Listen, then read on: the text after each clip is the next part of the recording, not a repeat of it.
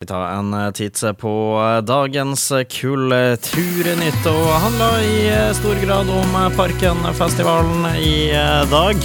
Det er nemlig sluppet hvem som kommer til å spille på torsdag i Parken. Ble sluppet i dag klokka tolv fredag slippes billettene til torsdag i parken, som skulle jo utgangspunktet være med Dum Dum Boys eh, i 2020. Ble kansellert den, og den skulle jo komme i 2021, eh, men ble ikke det heller. Og nå prøver heller parken seg på et nytt navn, eller nærmere bestemt to nye navn, da, så kanskje dette lar seg gjennomføre, får vi håpe på.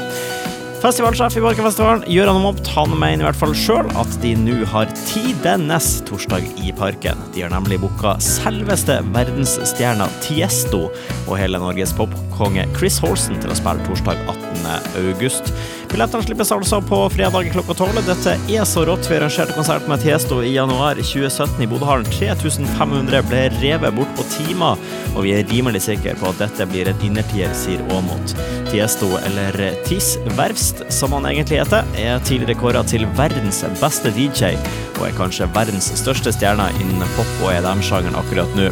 Han er som en levende legende å regne. 53-åringen har holdt på i mer enn 20 år, og har nå klart å holde seg aktuell hele veien, kanskje mer nå enn noensinne. Det er bare å gjøre seg klar til å klikke til låter som The Business, Jackie Chan, Don't Be Shy og The Motto, sier Aamodt.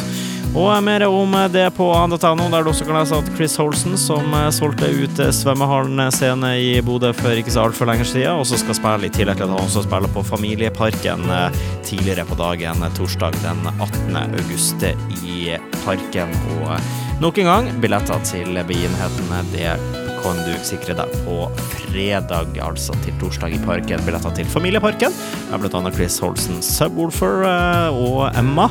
Det ligger allerede ute via Parkenfestivalen sine nettsider. Vi må spille litt Tiesto, da, siden vi skal feire at han kommer til Bodø i august.